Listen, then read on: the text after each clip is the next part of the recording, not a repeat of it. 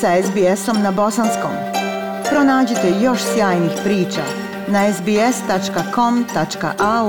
kosacrta bosnijan.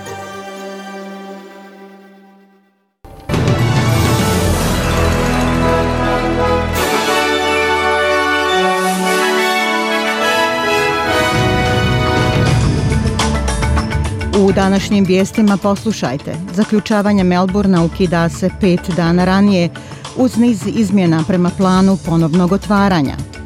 Premijer Novog Južnog Velsa udvostručuje ukidanje karantina za međunarodne dolaske, a u sportu rastu planovi da se prepolovi vrijeme između svjetskih prvenstava u futbalu. Desetosedmični lockdown Melbourna ističe u četvrtak u ponoć, kada se očekuje da će Viktorija ispuniti cilj od 70% vakcinacije dvostrukom dozom. Država je zabilježila 1838 novih lokalnih slučajeva, covid i 7 smrtnih slučajeva. Vlada je također iznijela neke promjene u planu za ponovno otvaranje Viktorije, uključujući ukidanje ograničenja putovanja u Melbourne i dopuštanje do 10 posjetilaca u kući. Premijer Daniel Andrews Andrews najavio je postepeni povratak u školu za sve učenike koji će početi sedmicu ranije, to jest 22. oktobra, a zabavišta će se ponovno otvoriti za sve potpuno vakcinisane porodice. I can't tell you how proud I am of our state, the resilience, the courage, Ne mogu vam reći koliko sam ponosa na našu državu, otpornost, hrabrost, saosjećanje, ubjeđenje koje su građani pokazali da završe ovaj posao. Nevjerovatno je. Ne samo da sam ponosan, duboko sam vam zahvalan, ali ja bih dodao i ovo. Još postoji mali put do kraja. Moramo taj broj 70 prevesti na 80. Kontroverzni policijski sat u Melbourneu također će biti ukinut. Dopušteno je okupljanje do 15 osoba na otvorenom, a postoje izmjene pravila za regionalnu Viktoriju. Vlada kaže da, iako država ima veći broj slučajeva nego što bi željela, stopa hospitalizacije i težina bolesti su manji nego što se strahuje. Glavni zdravstveni dužnosnik Viktorije Brett Sutton kaže da je to u velikoj mjeri posljedica brzog povećanja vakcinisanja. It's really been an extraordinary uh, story. We've had To je zaista bila izvanredna priča. Imali smo veliki porast u vakcinisanju, pa smo sa nule prešli na 35% u više od 150 dana, a oznaka od 35 do 70% dogodit će se u mnogo manjem razmaku.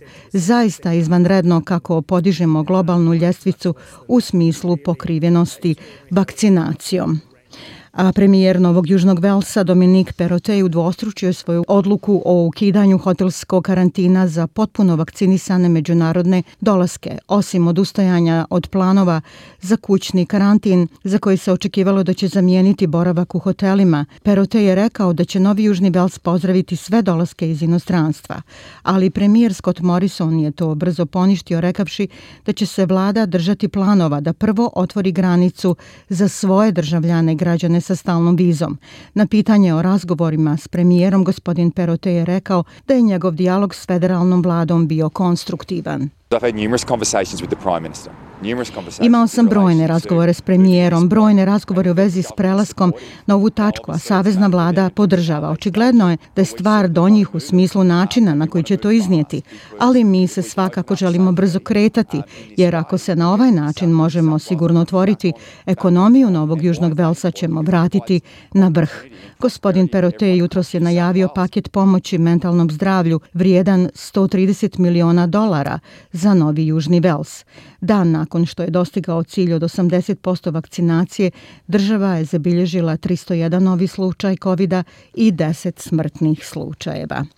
Bivša čelnica laborista Novog Južnog Velsa, Jody McKay, kaže da teškog srca odlučila podnijeti ostavku parlamentu.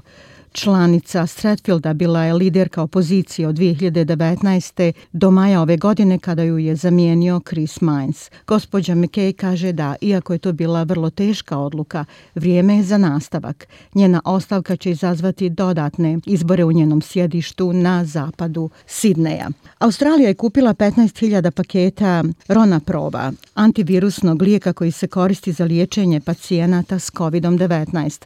Lijek se koristi za pomoć u medicinu medicinskom liječenju pacijenata s teškom bolešću ili bez efikasnog imunološkog sistema. Savezni ministar zdravstva Greg Hunt kaže da rani rezultati pokazuju da Ronaprib smanjuje vjerovatnost hospitalizacije ili gubitka života za 70% ljudi koji se zaraze virusom, pa čak i ako nisu vakcinisani.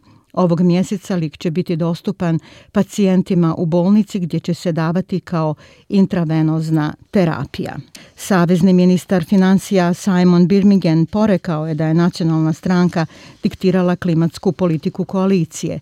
Nacionalni zastupnici sastoju se danas kako bi razgovarali o planu premijera Scotta Morrisona da se posveti smanjenju emisije gasova do 2050. godine uoči ključnog samita Ujedinjenih naroda o klimi u Glazgovu. Neki državljani tek trebaju pristati na nultu obavezu i nije jasno hoće li stranka koristiti sastanak da odluči hoće li podržati plan. Liberal Simon Birmingham rekao je za Sky News da vlada radi na tome da formuliše svoju klimatsku politiku. The government is deciding Vlada odlučuje o politici klimatskih promjena. Vlada se sastoji od svih naših članova, liberalni članovi, članovi nacionalne stranke i tako dalje. Zato okupljamo ljude iz cijele zemlje da bismo mogli efikasno razmotriti sve implikacije i pitanja. Nema smisla pretvarati se da neki dijelovi australske zajednice nisu zabrinuti zbog implikacija ovih odluka. Laboristkinja Kate Gallagher je rekla za ABC da premijer mora početi voditi računa o tom pitanju. Ova prošla sedmica bila je u znaku otvaranja očiju. Imali smo premijera, znate, nakon što već osam godina nije radio ništa, pokušavajući natjerati nacionalnu stranku da mu kaže šta smije reći kada ode u Glazgov. To je stanje u kojem se trenutno nalazimo i treba da premijer preuzme odgovornost i pobrine se da kada ode u Glasgow da zna predstavljati Australiju na vrlo pozitivan način u vezi s akcijom koja se mora dogoditi u vezi s klimatskim promjenama. Vijesti svijeta, nasilje u indijskom Kašmiru je eskaliralo, militanti su ubili dva civila. Naoružani pobunjenici ubili su dvojicu radnika migranata u glavnom gradu Kašmira, Šinagaru.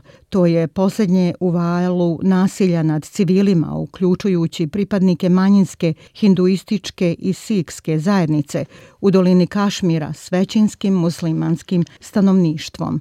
Indija kaže da Pakistan podržava pobunu u Kašmiru, ali Islamabad negira optužbe. Sirija je optužila izraelske snage za ubistvo Midhata al-Saliha, bivšeg člana sirijskog parlamenta koji je proveo 12 godina u zatvoru u Izraelu. Sirijska državna novinska agencija Sana rekla je da je al-Salih ubijen u subotu dok ga je izraelski neprijatelj gađao vatrom dok se vraćao kući.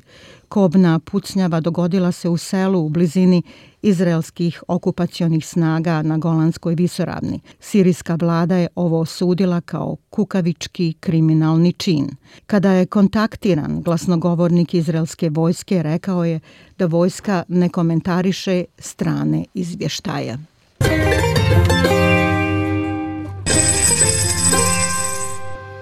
Prema kursnoj listi australski dolar danas vrijedi 0,74 američkog dolara, 0,63 eura, 0,54 britanske funte te 1,25 bosanske konvertibilne marke.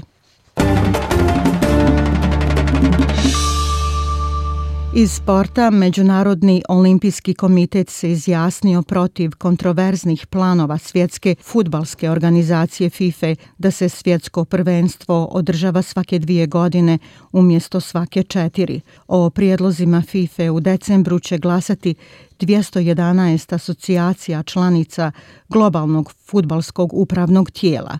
Plan je naišao na žestoke kritike brojnih kontinentalnih i nacionalnih saveza, grupa igrača kao i navijača. Predsjednik Moka Mark Adams kaže da imaju velike rezerve prema prijedlogu, uključujući pitanja vezana za ravnopravnost spolova, dobrobit igrača i uticaj na druge sportove. Povećana učestalost i vrijeme održavanja svjetskog prvenstva izazvalo bi sukob s drugim velikim međunarodnim sportovima. To uključuje tenis, biciklizam, golf, gimnastiku, plivanje, atletiku, Formulu 1 i mnoge druge. To bi potkopalo raznolikost i razvoj sportova osim nogometa.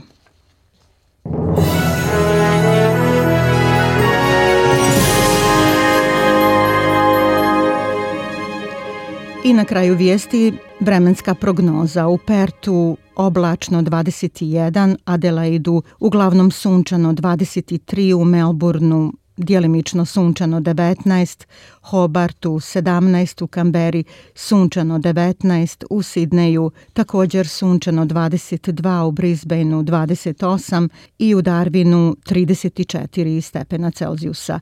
Bile su to vijesti SBS radija na bosanskom jeziku. Ja sam Aisha Hadži Ahmetović. Ostanite i dalje s nama.